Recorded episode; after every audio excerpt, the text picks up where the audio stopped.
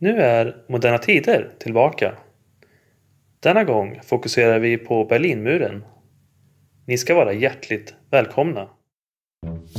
Efter andra världskrigets slut 1945 uppstod snart oenighet mellan segermakterna. 1949 resulterade det i att det besegrade Tyskland delades upp i två stater där den sovjetiska ockupationszonen blev DDR, Deutsche Demokratische Republik. Under 1950-talet valde stora mängder av människor att lämna öst för väst via Berlin, som också var delat mellan de två staterna. Åtgärden från DDR för att stoppa massflykten blev att bygga Berlinmuren. Hur såg livet ut för de båda sidorna av denna tydliga symbol för det delade Europa? Vad ansåg omvärlden? Och vad var det som ledde fram till det hastiga fallet 1989? Gäst i avsnittet är Björn Cederberg. Han är journalist och författare. 2009 utkom han med boken Berlinmuren. Berättelser om en plats och ett tillstånd. Då välkomnar jag Björn Cederberg till podden. Tack så mycket. Vi ska ju prata om Berlinmuren idag. Och eh, du har ju sysslat en hel del med det. Och eh, jag tänkte vi kunde börja hyfsat från någon slags början. Vad är bakgrunden till att muren kommer till? Liksom? Att muren hade ju aldrig funnits om det inte hade varit för andra världskriget och Hitler. För att om man tänker efter första världskriget så förhandlade man ju ändå med Tyskland. Men, men efter andra världskriget så betraktades ju nazistregeringen av de allierade både öst och väst som en gangsterregering som man inte ville förhandla med överhuvudtaget. Och det gjorde ju att eh, Tysklands delning den var ju redan klar och uppgjord redan 1944. Va? Och då hittade ju tyskarna i ett kraschat brittiskt kurirplan uppgifter om det. Och det gick till och med så långt att i Nürnberg så var det någon av de brittiska åklagarna som frågade eh, någon av tyskarna där då varför, ni, varför kämpade ni in i det sista så fanatiskt när ni visste att ni skulle förlora? Ja, vi hade ju ingenting att förhandla om, det måste ju ni veta, svarade tyskarna då. Men det visste inte de allierade, för det här var, var fortfarande så hemligt då. Det är ju själva orsaken till delningen. Och sen är ju muren som byggdes då först senare, 13 augusti 1961. Det berodde ju då på att segermakten i andra världskriget, det vill säga framförallt USA och eh, Sovjetunionen, alltså dagens Ryssland som då var kommunistiskt. De kunde överhuvudtaget inte komma överens om vilket ekonomiskt system som skulle råda i det besegrade Tyskland och därför delades landet. Och då skedde ju det att Berlin var fortfarande öppet eftersom också Berlin delades i fyra ockupationszoner. En rysk, en amerikansk, en brittisk och en fransk. Men då var det ju så att mellan 1900 ja, mellan 1953 och 1961 så var det över 2,5 miljon människor som eh, då flydde eh, genom det öppna Berlin från öst till väst. Och därför byggde man en mur då. Ursäkta, jag fick lite strömproblem här bara. Ja, det är lugnt.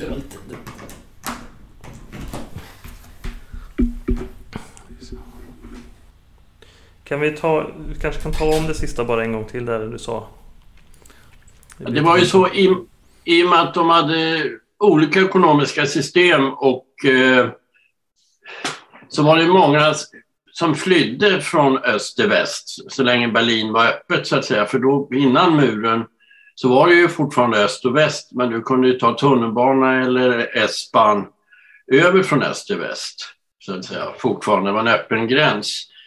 Och då var det ju många som gav sig över där som hoppades på bättre lycka i väst och högre löner och bättre levnadsstandard och så vidare, vilket det också var givetvis.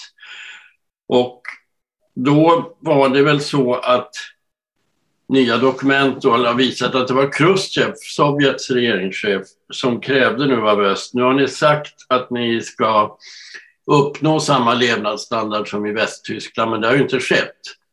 Och vi kan inte låta det här blöda på det här sättet, så ni får slå en järnring kring Berlin, sa han.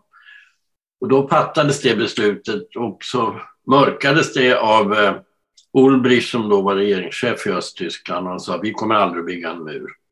Men det gjorde man en vecka senare. Då. Och, men då var det avtalat med amerikanerna att vi kommer inte att eh, angripa Västberlin för då hade det kunnat bli världskrig och atomkrig. Och, men det var ju en väldigt spänd situation. Och då kan man säga som en sammanfattning av det hela att det var ju så att eh, Östtyskland var ju inte tillräckligt eh, ekonomiskt effektivt då för att kunna mäta sig med väst. Och därför så tappade du hela tiden folk till väst. Och då byggdes muren, den kallades för den antifascistiska skyddsvallen. Den byggdes då för att stoppa flyktingströmmen. Och då kan man väl säga krasst, hade man inte gjort det så hade antagligen DDR kollapsat långt innan det ändå kollapsade. Så att på ett sätt så var det ju ett dödsdömt system. Ja, omvärlden hade inte riktigt någon aning om vad som skulle ske. Nej. Hur, hur blev de direkta reaktionerna? När det väl, för det, sker, det känns ju som att det sker liksom över en natt. Att det sätter igång väldigt snabbt liksom. Det gjorde det också. Va? Det, det var ju, meningen var ju att man... Eh, jag intervjuade en journalist som heter Svante Lövgren som var där. Men han skulle vidare till Paris. Han såg lite lastbilar och sånt. Han var där dagen innan. Han var inte ens medveten om att det skulle ske.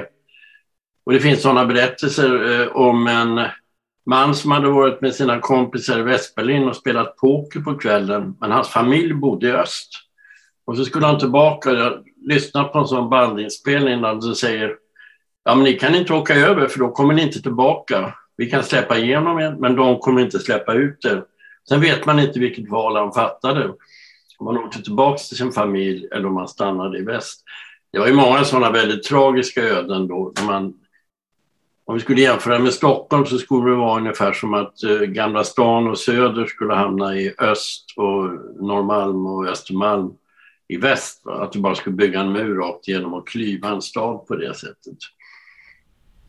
Men det var ju ändå en gräns mellan två länder tidigare men den hade varit ganska öppen så att säga. För det känns ju som att Berättelsen är ju ofta att liksom gränsen gick rakt genom hus och vägar och ja. väldigt liksom, liksom snär gräns. Eh, men folk vandrade tidigare och bara rakt över gatan. Ja, så var det ju. Alltså, om du tar delningen så tror jag att det var det ju fyra zoner så att säga. Det var amerikanarna nere i Bayern, britterna i norr och sen fick fransmännen en liten zon. Då. Stalin ville ju inte ge dem någon för han tyckte de hade förlorat. Och sen hade ryssarna då öst. Och sen så var det en speciell delning för Berlin som nu var huvudstaden så att det hade man ju kommit överens om. Och i början kunde du ju även resa mellan öst och väst. Sen efter 52 så började man spärra av där. Va? Men i Berlin var det öppet till 61 och då kunde du ju resa ganska fritt där i stan. Det var då kanske olika valutor var det och så. Men, men, och det var ju en känsla av att det var samma stad även om det då var annorlunda så att säga, eh, givetvis. Va? Men eh, vad tänkte man? Tänkte man det som en tillfällig lösning eller skulle det vara en permanent lösning? Från början just för att stoppa... Det känns ju som en väldigt desperat handling liksom. Ja, alltså i början var man ju rädd.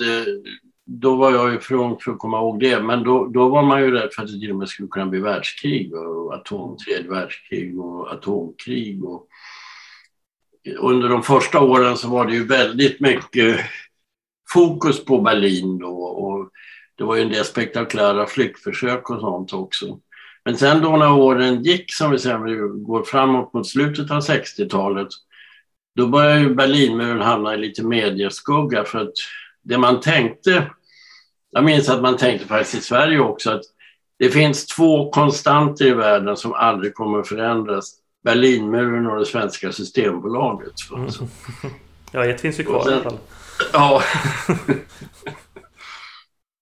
Och eh, det var ju på något konstigt sätt så helt enkelt att det onaturliga blev normalitet. Då, att man delade. Så till slut började man och sen så skedde ju det, då hade ju då, när man byggde muren så hade man ju hoppats också då på att Västberlin skulle förblöda och att eh, det skämtades att det var en stad av pensionärer och hundar. Men så blev det ju inte för att sen flyttade ju då en del av alternativrörelse och vänster och så in till Västberlin för där behöver du inte göra lumpen och militärtjänst.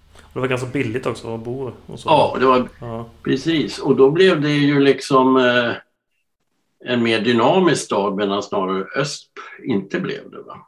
Fast det fanns alternativrörelser och jag, jag smugglade, vi smugglade ju till och med in en tv-kamera bakom Berlinmuren 1987 och gjorde en eh, SVT-film för Jan Guillou faktiskt som hette Berlin Hintergrund där vi det var ju äventyrligt nog så att säga. Med, vi, för på den tiden så kunde du då åka från Sverige till Berlin och det var Östtyskland som hade järnvägarna så att när du kom in då till Sassnitz där man åkte över, då sa vi om ni har utrustning, om den ska till Västberlin, då godkände de det. Och sen när vi kom in i Östberlin så kunde man gå av tåget där. Och då låste vi in där på förvaringsboxar, åkte över till Västberlin, åkte tillbaks, hämtade utrustningen och filmade illegalt i Östberlin. Sen visade det sig att vi i alla fall hade varit övervakade då och det var eh, det som jag då trodde var min bästa vän, Sasha Andersson. Han förrådde hela det här projektet sen. Så att, men han sa samtidigt bara en svensk kan vara så naiv att ni vågar göra någonting så här. Så. Ja. Men eh, utlänningar kunde ändå röra, kunde ju komma ja. genom muren. Genom de här ja. checkpoints. Det kunde man göra. Eller mest kända, kanske amerikanska. Ja, just det. Checkpoint Charlie var gränsövergång för Ausländer som det hette på den tiden. Och sen eh, kunde också pension, östtyska pensionärer kunde åka över också. Då tänkte östtyska staten att eh, de kostar ju bara pengar för oss så att då kan ju lika gärna väst få ta hand om det. Så de kunde resa. Folk eh, över 65 så att säga. Men de övriga kunde inte. Man kunde ansöka om utresetillstånd som det hette. Och Eh, då fanns det vissa möjligheter att man kunde få resa ut, men oftast för att aldrig få återvända. Då. Många av mina kompisar drabbades av det, att de blev utvisade helt enkelt.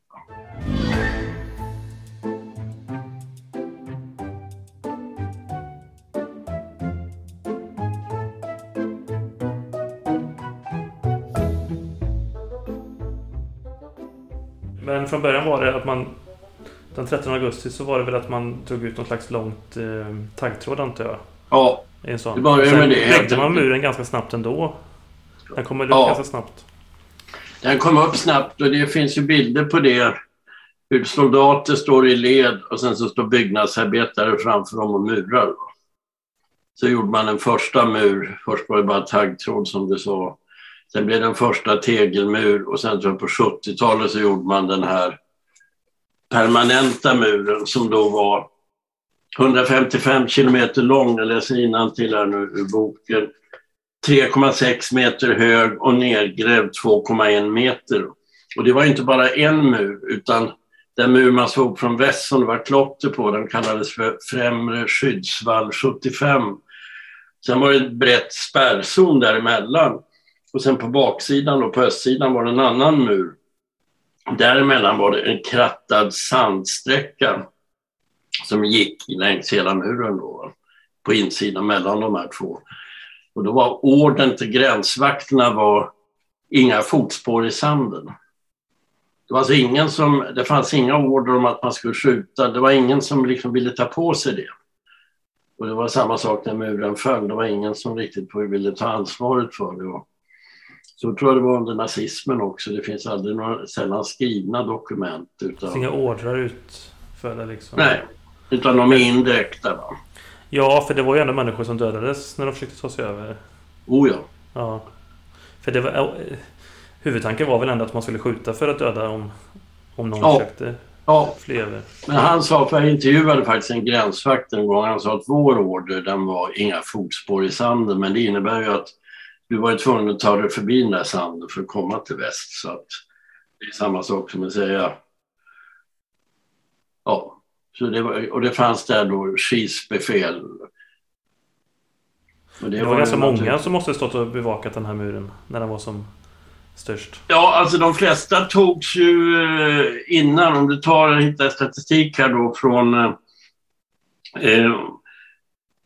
1974 till 79 försökte 4 000 människor fly just i Berlin. Sen var det ju många fler vid gränsen.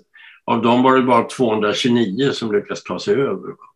Och de övriga arresterades innan eh, av folkpolis, av transportpolis, av Stasi och av gränstrupperna. Men själva muren, det var ju liksom avspärrningar långt innan du ens kom till muren från östsidan. Alltså det var bara betrodda människor som fick vistas i närheten av, av muren överhuvudtaget. Så, så att bara komma in dit innebar att du liksom kunde bli rapporterad och tagen långt innan. Alltså det var ett extremt... Det måste ha kostat enorma pengar att upprätthålla det här. Ja, men vad hände med de som blev gripna innan så att säga? Ja, då, då, då arresterades du då för uh, vet du nu, republikflykt hette det tror jag. Och det var ju eh, i alla fall tre års fängelse på det. Va? Och sen eh, kunde det bli att du pressade dem också och tvingade dem att arbeta för Stasi och sånt. Att du ställdes inför alternativ. Ja, ja, nu har du suttit ett tag här. hur kan du välja. Du kan rapportera lite för oss om dina vänner eller om din arbetsmiljö. Eller du får sitta här på obestämd tid. Det, det kunde ju också förekomma. Men alltså det var ju fängelse på fly och plus att då var du också borta så att säga. Då var det svårt att göra karriär. Då, det, då kunde du inte göra universitetskarriär till exempel. Du kunde, det fanns ju bara en arbetsgivare så att säga. Så att det... det var väldigt repressivt alltså, helt enkelt. Och som du sa, det var inte så jättemånga som lyckades ta sig över heller. De som Nej. försökte. Men sen har jag sett, jag har sett dokumentärer om ganska så här eh, påhittiga försök också. Mm. Med luftballonger och tunnlar och allt möjligt. Ja, och en del lyckades ju då. Framförallt i början så var det väl någon tunnelbygge tror jag ett år efter murarna byggs där man fick över flera hundra tror jag i början. Byggd tunnel grävd med, med elektricitet och, och liksom stöttor riktigt. Och det har väl, jag undrar om det har gjorts en film om det. Och sen har det gjorts en film om någon som tog sig över i luftballong. Och sen så var det ju väldigt vanligt att man flydde i olika typer av bilar. Va? Det finns ju ändå eh, jag vet inte om den historien är helt sann, men det fanns en diskuskastare i Sverige en gång på 70-talet som hette Ricky Bruch. kanske vet vem det är, han Absolut. hade världsrekord. Ja. Och han berättade för mig innan han dog, som jag var friidrottare en gång i tiden, inte på hans nivå, men ändå, att han hade tagit sig in i Östberlin för att frita eh, en östtysk diskuskastare och gått in i någon hemlig träningsanläggning och sa han, om du har gjort 10-9 på 100 som du var och kastar 70 meter i disk så bör du ha en bra chans för Berlinmuren. Jag har en sportbil som väntar där utanför. Och enligt hans berättelse hade de lyckats ta sig över, om det nu stämmer. Men han var, han var ju ofta i Östberlin, Ricky Bruch, och så kände många diskuskastare. Så, så det kan ju finnas korn av sanning i det. Absolut. Jag, jag funderar lite på det här om omvärldens reaktion på... Eh, jag antar att man ändå på något sätt måste ha protesterat mot det som hände. Ja, det gjorde man ju. Du menar just när den byggdes eller överhuvudtaget? Ja, lite liksom hur utvecklingen... För du sa där att det, det, det, det absurda på något sätt blir normalitet snabbt. Eh, ja, så var det väl lite. Men jag vet inte, men var man liksom... Jag har ju hört att... Jag vet inte om det var senare samma år att det blev någon, nästan någon skottväxling mellan eh, sovjetiska och amerikanska jo. stridsvagnar i Berlin. Stämmer ja. Jag tror det var i oktober 61 eller någonting. Då, då rullade de upp, då stod de och pekade mot varandra, stridsvagnarna. Och, och det var ju ytterst nära då att det kunde ha hänt någonting. Och jag menar, det, det är ju självklart, det var å ena sidan, men det visste man ju inte ens när muren byggdes, så var det väl kanske då någonstans uppgjort att eh, ja, ja. vi tycker inte om att ni gör det, men vad ska vi göra då? Men rör ni Västberlin, då blir det krig ungefär. Ja, jo, det verkar ju varit någon slags röd linjen då på något sätt. Mm. Men, men för de som visste i Berlin, de hade ju ingen aning om det, de som bodde i Västberlin. De var ju naturligtvis livrädda att det kan ju vara här när som helst. Och det fanns ju någon... Eh, fanns ett berömt diskotek på den tiden eh, i Västberlin på Kodam då som var... Och där sa han att vi badade i champagne till och med sådana saker. För att vi visste ju inte om ryssarna skulle stå på gatan när vi kom ut genom dörren på morgonen. Det, den känslan fanns ju. Jag bodde ju i Västberlin på 80-talet och då under en period och då kommer jag ihåg att jag väcktes på morgonen av att det var amerikanska stridsvagnar som rullade igenom någonstans vid Kodam. Att man, hade, man visade ändå att man fanns där. Och, och sen å andra sidan då så när du kommer fram till 80-talet då jag var i Berlin rätt mycket. Då, då det fanns det också det motsatta i Västberlin att det ansågs alltså nästan töntigt att prata om muren. Att det liksom turistigt töntigt kommer jag ihåg. Och, och, sen så kunde du gå ut på diskotek och sånt där då, eller nattklubbar eller vad det var. Djungel. Och där stod folk i ringar utan att dansa. Det var något konstigt för alla visste ju ändå att den här muren fanns. Det var en väldigt konstig känsla. Samtidigt som den känslan ledde till att det var ju som ganska kreativt och spännande tid i Västberlin på 80-talet. Både inom konst, musik och 70-talet bodde ju David Bowie där till exempel. Och, så det var, men det var ju en väldigt speciellt. det var en fantastisk stad Västberlin på den tiden minns jag. Därför att du kunde vara precis hur du ville. Det var ingen som brydde sig. Liksom. Det var väldigt tolerant och, och öppet för det mesta. Va? Och sen fanns det ju faktiskt en scen även i Östberlin då, en underground-scen i Prenzlauer berg framförallt som jag det var några gånger där man hade poesiuppläsningar. Eh, man visade filmer som man hade gjort på 8 mm. och det var, det var tillåtet till och med. Det var tillåtet att vara homosexuell och det var, det, det var ganska... Det förekom där faktiskt. Även i Östberlin då alltså? Ja. Det fanns en touch av det även där faktiskt. För jag tänkte just det att, jag tänkte att det, när det var öppet på 50-talet så känns det också som att det var lättare kanske att, att de två halvorna inspirerade varandra. Som du sa så var känslan av att det var en stad ändå. Ja. Eh, när muren, eh, tanken med muren var väl ändå att liksom visa att det fanns, att det var två olika länder så att säga. Eh, eh ja, det var det ju alltså då. Det, det kallades för antifascistiska skyddsvallen till och med och det, det var ju så att öst ansåg att det är två länder, men väst ansåg inte det. Va? Och det gjorde att det var en väldigt konstig situation med den. Jag kommer ihåg 85 till exempel så slussade öst in flyktingar, alltså från, eh, jag tror det var från Pakistan, eh, Etiopien, Rumänien in till väst för att de visste ju att i väst fanns inga gränskontroller för du kan ju inte liksom kontrollera en gräns som du inte erkänner ens. Och då blev det till slut bråk om det. Och ingripanden och sånt. Även till Sverige då liksom, eh, och så. så eh, och det var ju någon slags... Eh, det är ju surrealistiskt man tänker att den sista lilla eh, spänningen som fanns i Berlin den handlade om flyktingar som uppenbarligen ingen av sidorna vill ha egentligen som användes som brickor. Det var ju cyniskt då.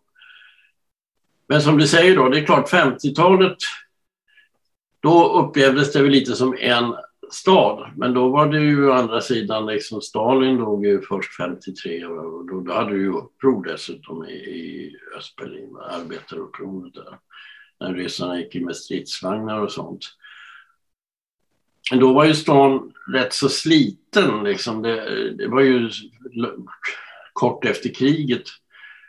Och på 80-talet, ja då var det ju på ett sätt två städer så tillvida när jag bodde där, de som bodde i väst, de åkte ju nästan aldrig över till öst.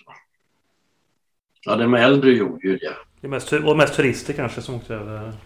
Ja, turister ja. åkte över. Västberlinare, de kunde ha varit i New York, i Rom och Peking men de hade aldrig varit i Östberlin. Och de förstod inte ens, de var inte ens intresserade av det. De, alltså Östberlin var ju naturligtvis mycket mer intresserad av Västberlin. För de kunde ju se det i tv.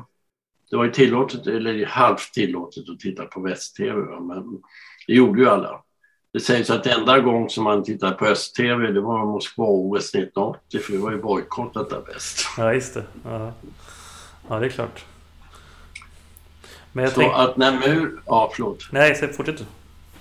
Nej, jag tänker då när muren sen faller, då är det ändå liksom två rätt olika system som möts på något vis. Va? Även om alla är berlinare, alla är tyskar och så, så var det ändå... Och det, det tror jag delvis kan förklara varför det fortfarande är liksom eh, lite olika öst och väst, och inte minst Östeuropa och Västeuropa. Och kan se det från allt till flyktingpolitik. Jag tror liksom att deras eh, högerpopulister, eh, de har ju dubbelt så många röster i öst procentuellt som de har i väst till exempel. Ja, det känns väl också som att det här alternativet för Deutschland sånt går väl bättre i östra Tyskland än i, ja, i det gör det.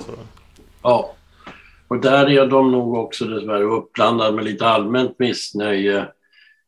För de, de trodde ju att när muren föll många, då, eh, då kommer det bli fantastiskt. Vi kommer alla åka Mercedes och vi kommer alla ha hög levnadsstandard, precis som jag sett i väst-tv. Sen blev det ju inte riktigt så överallt och, och även om Västtyskland pumpade in väldigt mycket pengar. Och då då, då, då, ja, det är en väldigt svår fråga att svara på, men, men, men du har ju Ungern, du har ju Polen, du har ju Ungern som en gång kallades för den bästa baracken i lägret av östtyskarna. Det har ju också blivit liksom ganska reaktionärt då idag med syn på flyktingar och allting. Och det har du nog mer i öst också än i väst. Och då får man tänka sig att under den här eh, kommunisttiden, eller vad vi ska kalla det då, så hade man ju inte så mycket kontakt med omvärlden egentligen. Det var ju som några turister som åkte till Östberlin men de kunde ju inte åka vidare sen. Det krävs ju speciella viseringar för att få åka till övriga Östtyskland. Och när man tänkte på hur gatorna såg ut så det fanns ju inga utlänningar. Det, det, det var ju liksom som att flyttas tillbaka till 20-talet nästan. Va? Och väldigt homogent på något sätt kan man säga. Väldigt homogent. Ja. Och, medan Västberlin var ju mycket, mycket mer kosmopolitiskt. Va? på alla sätt och vis.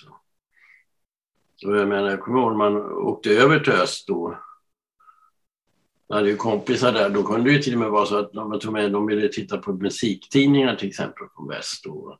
Men jag förstod inte allt som stod i dem, för det var ju så mycket amerikanska ord och sånt som de inte begrep. Och det undervisades ju inte i engelska i öst heller, utan i ryska. Va? Så i början var ju, det var ju också en stor skillnad som man minns nu, att i öst då när muren föll, då det var ju ingen som talade engelska där inne när folk kom. Till exempel. Sen där var ju bara... Det blev ju jättekonstigt då för att när muren föll så kunde du se liksom tiodubbla led som stod framför guldsmedsaffärer och sånt på Godan och tittade som aldrig hade sett det här. Samtidigt så åkte in Porschar och annat ett par, par kultställen i Östberlin och ställde sig utanför där då. Det var helt olika världar liksom. Ja. Då sa jag att mycket av det, det som, där du hade liksom en första liten återförening som fungerade, det var då inom Technon som ju var väldigt stor i Berlin på den tiden. Och sen du hade ju Love Parade och allt där och då var det ju oftast liksom västberlinare, för östberlinarna visste ju ingenting om hur man liksom organiserade en, en affärsrörelse eller sånt, för det, det fanns ju inte där. Va? Så det var ofta västtyskar då som skötte det, men energin kom från öst, alla som äntligen fick leva upp. Alla de här technoställena som då fanns början av 90-talet där. Eh, det var, det var, där, där möttes öst och väst kan man säga tidigt. Va? Kulturuttryck kunde vara en, en väg till integration så att säga? Ja. Det, Ja, du kan ju säga, när du tänker på integration och sånt då, så var det ju också väldigt konstigt på den tiden för att om du kom från öst, ja då var du automatiskt västtysk medborgare i det ögonblick du satte din fot på västtysk mark. Och även om du var då så kallad tyskättling från fanns ju tyska enklaver borta i Rumänien och även borta i Ryssland. Va? De blev också på den tiden medborgare. Medan till exempel en, en turk som hade bott i Västberlin hela sitt liv, han var inte automatiskt västtysk medborgare på den tiden. Alltså det, så det var mycket... Men det var ändå så att om du väl lyckades ta dig över så fick du vara kvar i väst och säga. Ja. ja. Det var ingen som skickades tillbaka liksom? Eh, nej, normalt sett inte nej. Om de inte liksom var misstänkt spionage eller något annat. Men då, då... Det fanns ju också naturligtvis att en del av de som kom över, inte minst på 50-talet, de kom ju över som spioner också. Jag, vet, jag har intervjuat eh, eh Marcus Wolf som var Stasi-chef för utlandsspionaget om det där. Han sa att vi sände ju in folk också givetvis. Nej, men annars kom det över. Om man ser lite över tid då, för att jag tänker lite där med Öst och Västtyskland. Det känns mm. som att det normaliserades med tiden också. Att ja. det som, Tyskland var två stater. Och eh, eh, på 70-talet så blev det väl också en lite mer eh, töväder så att säga.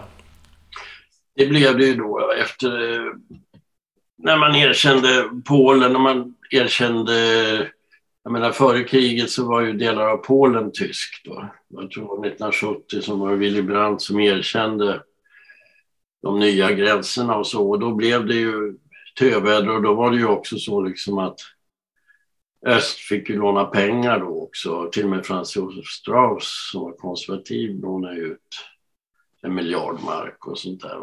Så, så att, då kändes det väl, om vi säger nu var på 80-talet så kände man att som jag sa där med att det var som Systembolag, det kommer alltid att finnas. Och kanske några tänkte att det är ett resultat av kriget och det är det straff liksom som man får. Men, men då börjar man känna att det här var en normal tillvaro som man vill göra utan att det skulle bli krig. Men det är väl samma sak med Sovjetunionen och så också. Tänkte man väl också skulle finnas ja. evigt liksom. Ja, det, jag tror att det är väldigt få, liksom, som, även om de skulle säga det idag, som vågade säga då att Sovjetunionen skulle kollapsa och att Berlinmuren skulle försvinna för man tänkte att det skulle de aldrig släppa eh, Östtyskland med kärnvapen och allt som de har. Och det, var, det trodde man inte helt enkelt.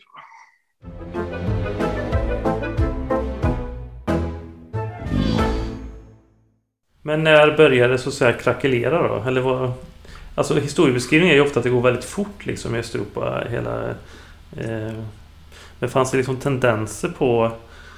Eller är liksom Berlinmuren en konsekvens av hela liksom, skeendet under 1989 och de åren omkring? För det, känns, det känns liksom att det, liksom, det blir liksom pricken över i lite för det året på något sätt. Där varje ja. olika regimer faller liksom efter varandra. Ja, det var ju därför att den var så eh, extrem. Det var ju världens hårdast bevakade gräns och, och med skjutningar och mitt genom en stad och mitt genom liksom Tyskland också. Så, så det, det, var ju själva symbolen. Men man kan ju säga så här, alltså när jag var jag var där första gången 79, sen har jag varit i Berlin varje år sedan dess. Och då talar vi ändå tio år innan murens fall och när du då liksom eh, jag skulle nästan kunna läsa det då till och med. Så får vi se nu vad vi har. Nu är väl sådär. Ja, här har vi. Det var, det var liksom doft, när du gick på gatorna så var det en doft av surrogatkaffe, brunkol och lågoktanig bensin. Och du kunde dra av på trästammarna eh, bilda små bollar av någon tjock pasta som var eh, bensin och olja och, och föroreningar helt enkelt. Alltså det var kolsvart och slitet överallt och dåligt upplyst. Och, och, det kan ju låta som, då kunde man ju, men det var så verkligen, det är ingen kliché utan det var så det såg ut på de flesta ställen gick runt. Så du såg att det här utan att ens veta någonting om politik så kunde du se att det var en enorm skillnad.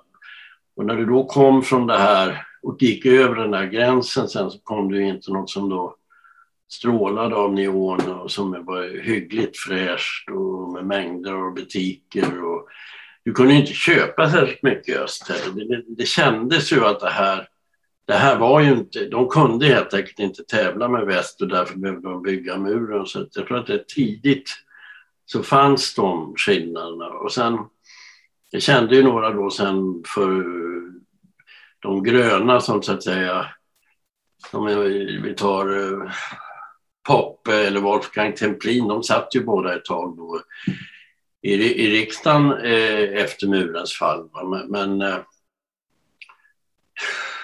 de hade ju inte en chans, de blev utmanövrerade sen. Men det var ju också det att det var ju konkursbo mer eller mindre. Alltså. Sen brukar man säga att det fanns bordsilvret var nere i Görlis, för det var väldigt vackra städer nere i södra. Men att det var bottenkört och det var väl delvis Ryssland också. Det, det kanske man... Eh, jag har ju gjort en film 1987 som, eh, där vi smugglar in kamera. Vi se om eh, jag kan ordna någon kopia till det. Man ser ju hur slitet och nedkört det var. Det, det, det var enormt. Alltså man tror det inte idag om man inte ser det nästan. Faktiskt. Så att, eh, och det gjorde ju liksom att då var det ju västtysk industri utnyttjade det här också. Alltså, så att eh, miljöfarliga industrier och sånt, det kunde de förlägga i Östberlin, va? eller Östtyskland.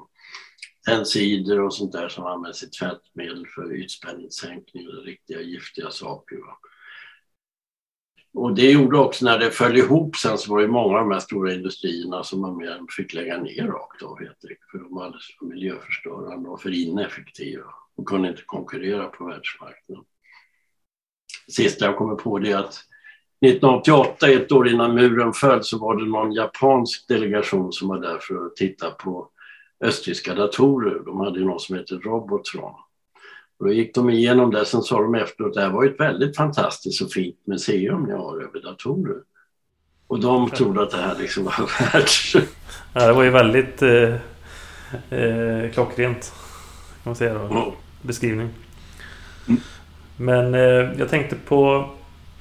Men när det väl började liksom skaka i Östeuropa där i slutet på 80-talet. Eh, mm.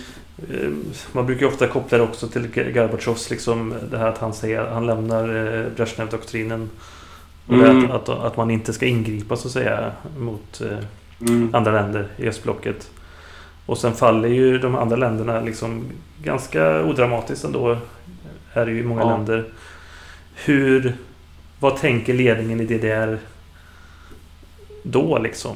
Hur tänker de att de ändå ska köra på liksom med sitt Ja, projekt? det gjorde ju då, säger Honecker, redan sa vid något tillfälle, jag förstår inte alls det här för att var jag än eh, vänder mig så jublar ju folk åt mig. Men han insåg inte att det där var ju regisserade tillfälle, tillställningar av folk som vill göra karriär de också som bara så han fick ju bäras ut mer eller mindre. Ja, jag tänker lite på även på Ceausescu sen. Han jag tror det verkar också tro ja. att alla skulle jubla åt honom. Men ja. sen buade de ut honom ordentligt. Till slut. Ja, han blev ju till och med avrättad. Ja, precis. I, i någon, så, men det känns som att, han också levde i en bubbla och att, ja. han, det var annorlunda där på något sätt. Finns det någon i Östtyskland så, apropå Gorbatjov, då någon i ledningen där precis året innan att bara för att grannen tapetserar om behöver ju inte vi göra det. Nej, nej. Men det känns som att de distanserade sig lite från Sovjetunionen då på något sätt. För det känns som att man var ganska... Eh, har ju stått närvarande tidigare. Ehm. Ja, det, jag tror att det var så. Då får man skilja då på ledningen och på folket i det här fallet. Eftersom Östtyskland var en diktatur. Och inom ledningen så... Eh, det fanns ju de som insåg att det inte skulle hålla även inom säkerhetstjänst och sånt. Men, men de flesta tyckte nog så länge det gick att nej men det är möjligt att Sovjet har sina problem. De är lite fattigare och de har men vi har inte de här problemen ungefär, fast det var någon som tänkte. Va? Men, men det hade de ju eftersom det började med jättedemonstrationer först i Leipzig och sen var det ju en halv miljon, miljoner ute på gatorna. Och när gränsen väl öppnades så tog det bara 90 sekunder från det att det meddelades i tv där de första människorna samlades vid gränsövergången vid Bornholmestrasse. Och sen vandrade ju så att säga folk över så att, så att man kan säga att det liksom var uh, politiken avgjordes inte av politiker den gången utan faktiskt av uh, folk då som helt enkelt vandrade över och då fanns det ju ingenting att göra. Nej. Vi kan ju ta det här med att det var en presskonferens där den 9 november va? Det där har diskuterats väldigt mycket. Va? Troligtvis som jag har förstått det, där pratat med östtyskar så, så var det så att, vi ska se nu, på hösten 89 skärptes läget ytterligare i DDR och man befann sig nu i en djup ekonomisk kris, handspredd från statsbankrutt. 7 oktober hölls den stora demonstrationen i Leipzig. Man hade samlats i kyrkor och trupperna hade redan fått sin order. Kamrater, soldater, vi behåller lugnet även om det rycker i våra avtryckarfingrar. Och Honecker hade redan beställt att det skulle liksom skjutsas ut blod och var beredd att skjuta.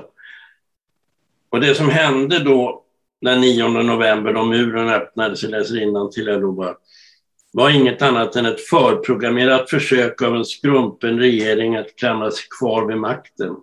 Men man saknar modet att göra det fullt ut. Ingen ville skriva på. Partichefen Krentz stängde av mikrofonen när han muttrade direktiv som ledde till att muren öppnades. Sen tipsade man en italiensk journalist, bad honom att ställa frågan på den presskonferens som ägde rum några timmar senare.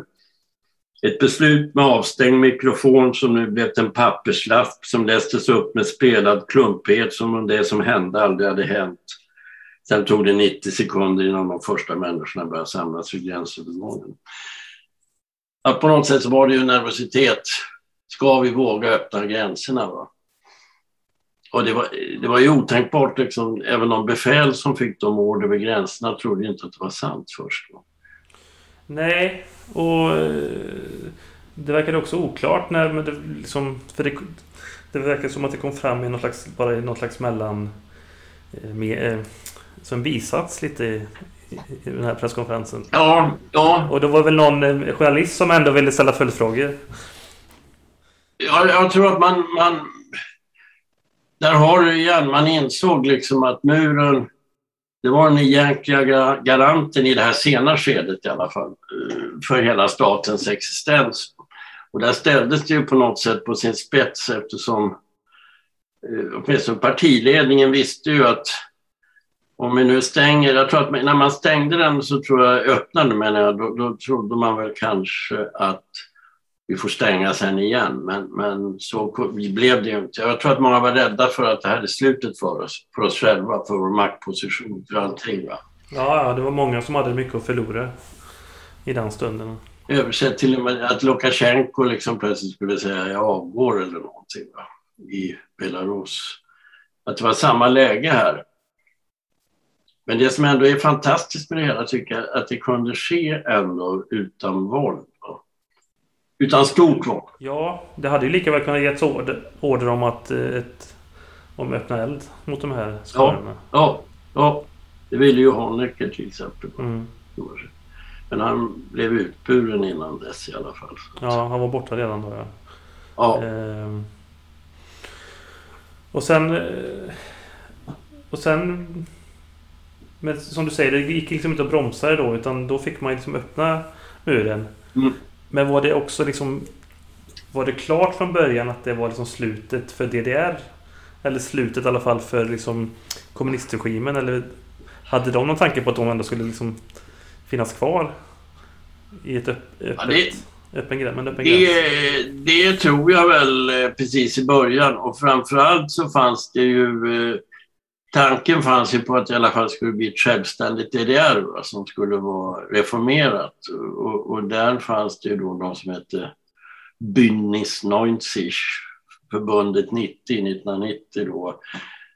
Det som var en eh, så där mer eh, vänster men, men inte kommunister och med gröna då som tänkte sig att vi skulle bygga ett eget eh, självständigt DDR så att säga med nära kontakter till väst. Och det var, var det väl en del som hoppades på, men så kom ju de här första valen. Jag menar, DDR försvann ju inte för det första inte när muren föll, utan, utan DDR fanns ju kvar till den 3 oktober 1990 va, som stat. Och då var det ju fortfarande jag minns det själv när man åkte där, för att jag kom några dagar innan den här så kallade återföreningen. Då. Och då var det ju fortfarande eh, gränsvakter i östtyska uniformer och de här stora hundarna som fanns som letade efter människor. Sen när jag åkte tillbaka då återföreningen, då hade de bytt, sett på några sådana här lappar på dem, Bundeswehr Kommando Ost plötsligt hette det då. Så hade de små hundar, de hade krympt för de letade efter eh, narkotika istället för människor. Det, var en, det gick på en dag bara. Och då ställde ju Västtyskland upp eh, samtliga regementen som fanns i Östtyskland samtidigt i en enda aktion och avväpnade alla. Och sen så ställdes mängder av ryska stridsvagnar och sånt upp i stora depåer. Som vi filmade en gång, det stod 5000 ryska stridsvagnar eller någonting, en jättedepå. Och, eh, men då fanns det ju de, men sen var det så att när valen kom då så röstade ju folk då snarare höger, eller på CDU så att säga. Alltså som Moderaterna ungefär. Och det gjorde man ju då för att man kände att vi vill inte ha några mer kommunistiska experiment och då var det det säkra. Och det var ju framförallt Kohl, tror jag också, Helmut Kohl, som var väldigt populär i öst då. Förbundskansler i, i väst? Ja, som var i väst då, som också lyckades. Och sen så Ja, sen så kom ju missnöjen och sånt, men liksom det, det, är ju väldigt få även idag tror jag som vill återupprätta DDR. Sådana finns också. Det finns till och med folk som åker på läger idag, sånt där, där, det är, där man rekonstruerar DDR och sånt där. Va? Det ja, det har även pratats en del om att den här generationen som inte riktigt har upplevt DDR, det finns en romantik, ostromantik va, i, i Ja, jo, i men det finns. Va? Det, det, det, kan man kanske förstå på ett sätt, liksom, men uh, den fanns ju inte då, va? 1989 så att säga. Nej. Men det, samtidigt kan man ju säga så att det har ju inte varit någon naziromantik på samma sätt. Eh, mm. Nej. Men, så det, men det, är, kanske det där är väl lite, kanske lite, lite kanske vagare som begrepp. Äh, även historiskt. Ja, det, eh, det är det ju. Det, för det första så är det ju en stat som inte som har tillkommit efter förlorat krig så att säga. Som har utifrån. Ja, det var någon som sa att det var en pappersprodukt liksom. Ja, ja. Ja, det var det ju. Och, och, och, men, men det är klart man kan säga att det, det, det fanns ju små ljuspunkter där också som jag minns. Det var ju det till exempel att eh, pengar spelade ju inte samma roll. Det var låga hyror.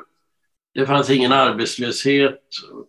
Och eh, du kunde liksom, träffade någon så kunde man tillbringa en tid tillsammans. Det fanns inget stress, det var inget karriärsamhälle. Det var ju naturligtvis positiva, även om det då liksom innebar att du kunde inte resa, det var ganska grått. Det var ju väldigt mycket saker du inte kunde köpa där. Va? Du kunde inte lyssna på vilken musik du ville och på den tiden fanns det ju inget internet och sånt så det du kunde inte läsa alla böcker du ville. Du kunde inte, det var ju väldigt mycket du inte kunde göra. Framförallt tror jag det med att man inte kunde resa var väldigt eh, hemskt. Och en, ett liksom väldigt organiserat övervaknings... Ja, det var det ju i allra högsta grad. Mm. Det, det, var väl eh, upp mot 100 000 personer som arbetade som informella medarbetare plus 100 000 till som ledde det här enorma maskineriet av övervakning. Det vet jag ju själv eftersom jag har ju själv hundra sidor Stasi-akter på mig eller någonting. då kallas man för nationalitet fientligt negativ. Jaha, mm. Jag tänkte på, du pratade om att eh, Tyskland eh, slogs inte ihop igen med en gång men det gick ju ändå rätt fort. Mindre ett år mm, senare så var ju Tyskland alltså DDR-historia då. Eller, alltså formellt så var det så att östra östra delen inkorporerades i i väst så att säga. Det var ju inte ja, en ny statsbildning egentligen utan det var ju en... Nej, det inkorporerades eh, i väst och så tillkom då för väst... Tyskland är ett federalt land. Och så var det sen kriget att Eh, för man ville inte ha eh, centralmakt i Tyskland som det var under nazismen och så. Så att det var 12 delstater i väst tror jag var. Och så tillkom åtta nya då i öst så blev det 20 delstater. Och det gick ju väldigt fort som du sa. Ja. Alltså med tysk effektivitet så rullade det ju på också då med nya motorvägar och allting. Va? Ja, men var det någon slags lyckoyra där som det gick så fort eller liksom var det, fanns det inget ja, alternativ? Jo, Riktigt? men det var det ju naturligtvis i början. Det, det, det... Jag menar fortfarande så tror jag att det, det... Ja, det är klart det var. Oh ja. Jag menar plötsligt så fick du ju Västby. Det var en stor marknad för eh, framförallt begagnade bilar. Va? tror jag. Och sen även porr och sånt var väl eh, också, för det var inte riktigt tillåtet. I, men det var både bra och dåliga, men det är klart de höjdes upp. Du snabbinförde ju helt enkelt västligt samhälle. Du byggde nya motorvägar, du byggde nya telefonledningar, du byggde det var enorma summor som ändå lades in på att rusta upp så mycket att till och med fanns delar av Västberlin eller av Västtyskland som ser mer sjabbiga ut än vad delar av öst gör. Nya järnvägar, nya... Allting fick ju gås igenom. Vissa delar av Östberlin där är telefonnätet inte moderniserat sedan 30-talet till exempel. Jag kommer ju ha sett här nyhetsinslag från när Berlinmuren faller och jag tror mm. det är Ingvar Carlsson som är statsminister i Sverige då intervjuas och det är väldigt positivt såklart men Mm. Han betonar ändå att man, han är rädd för att den här sammanslagningen ska gå för... Alltså, han tycker inte man ska liksom skynda med att slå ihop länderna. Nej. Det, jag tror att det här berodde också på... Det var utvecklingen själv, jag tror, som, som vi var inne på tidigare, i och med att det var så otroligt många människor som då begav sig över till väst. Vi talar om miljoner. Va? Och de hade ju med sig mattor och möbler och allt, för de var inte säkra på att de kanske stänger muren igen. Va? Det var ju många som trodde faktiskt. Och då... Ja, det var ett maskineri om miljoner kommer så att säga. Då, kan du inte, då är det inte fråga om... Då måste du göra någonting redan. Då måste du sätta igång. Du måste se till att... måste vi först rusta upp också på andra sidan så att vi... Annars kommer vi kollapsa. Det, det, det, och sen var det naturligtvis problem med västmakterna. Det var, Gorbatjov accepterade ju det här. De som hade svårast för det var ju faktiskt Margaret Thatcher, tror jag. Som inte var så förtjust. Men, men, men det var väl... Hon övertalades ändå till det då. Det var ju ändå... Jag utpeck... Men då var... Jo, så är det ju. Va? Det är därför då man kom fram till den här lösningen att Ja, vi får ett återförenat Tyskland, men det ska också vara inbäddat i EU. Vi vill inte liksom ha en ny, ny tysk fråga här, så att säga, med ett mäktigt Tyskland nu som ska Nej. Sen har de blivit ganska mäktiga ändå. Ja, det, finns, jag läste, det har de ju. Det, det, om det var i Foreign Affairs eller någonting amerikanskt så sa att Trump han har lyckats med för målet var efter kriget att Tyskland, eh, USA skulle hållas inne, Ryssland ute från Europa och Tyskland nere. Och då skulle man liksom ha ett starkt ekonomiskt Tyskland som var fredligt, som inte hade armé.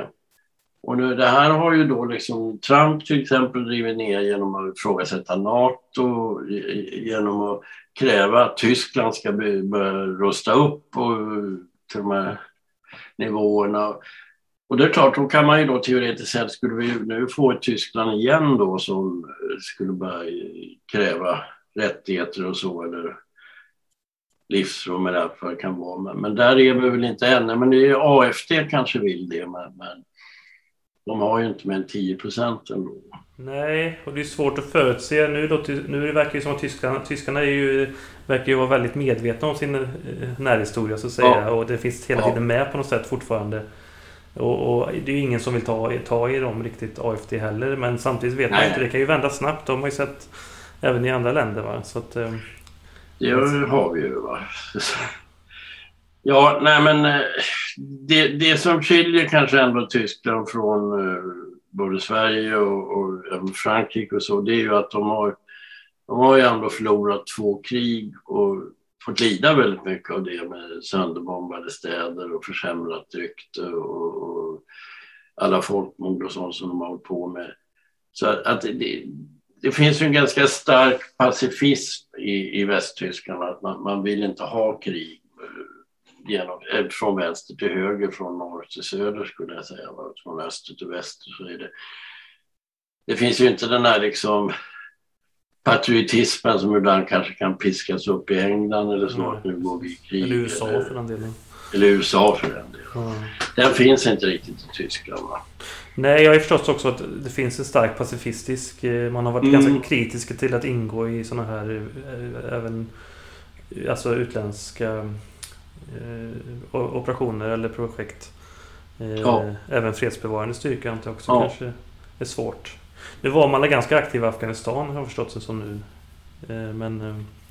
Och där har man väl också, det kanske du vet mer om, men har man inte haft kritiserat lite grann den hållningen också där nu i jag tror att det inte är helt okontroversiellt i Tyskland, i militära engagemang. Nej. Och eh, vad jag förstått så finns det fortfarande ganska mycket amerikanska soldater, eh, trupper och sånt kvar i landet. Ja, du har ju den här stora basen där jag själv har varit på med, som heter Rammstein. Där är det ju ändå över 50 000 människor som arbetar. Det låter ju väldigt mycket ändå tycker jag. Ja, det, det är ju en enormt stor och där ligger kärnvapenkommandot för Europa. Och, eh, så, så att det, visst, och då kan man ju då säga att ryssarna lämnade ju faktiskt eh, Östtyskland någon gång på 90-talet. Jag kommer inte ihåg exakt vilket år det var, men de drog tillbaka sina trupper. Men det gjorde ju aldrig USA från väst riktigt. Jag vet att Trump eh, pratade väl också någon gång nu innan han försvann från presidentposten att att han, skulle, han hade idéer om att skära ner truppnärvarandet i Tyskland ja. till exempel. Och det gav, gav ju ganska starka reaktioner i ja. Europa och i Tyskland inte minst. Man verkar ändå vilja ha ja. de här trupperna kvar. Från det politiska etablissemanget i alla fall. Ja, det är väl så kanske att Europa har väl ingen riktigt eget försvar. Det är, inte så. det är väl så. Eller inte mycket, i alla fall inget samordnat. Nej, och NATO är väl någon slags garanti mycket för. Och det är USA som ändå är högsta hönset Ja. Där, så att, eh, Men i framtiden kommer så blir det... Ja, det blir ju intressant att se. Det, det, vet vi ju inte då, men om det blir så att Tyskland ska rösta upp, jag tror du har ingen folklig majoritet för att göra något sånt. Då om vi tänker sig att USA drar sig tillbaka eller riktar in sig mer mot Kina jag tänker att USA eller Europa är rikt nog att ta hand om Ryssland. Det får de sköta själva. Det, det var väl lite det Trump var inne Och krigen kommer liksom längre tillbaka. Försvinner bort. I det förflutna mer och mer liksom. Så att, ja, så är det ju. Va? Eh, om du tänker nu, det är ju... Nu är det 80 år sedan uh, tyskarna gick in i Sovjet och Operation Barbarossa. Det, det innebär ju att för att ha varit med som soldat där så måste du alltså vara... Närmare hundra då? Ja. Så det, det, är klart att det är inte många, många ögonvittnen kvar heller snart. Nej. Eh, men jag tänkte vi kunde ta runda av kanske mm. med de här lite eh, tankarna kring samtiden också. Mm. Men eh, då tackar jag dig Björn Cederberg för att du ja, medverkade i podden. Du har hört ett avsnitt av Moderna Tider. Gäst var Björn Cederberg. Programledare Stefan Hjalmarsson. Speaker Matilda Säv.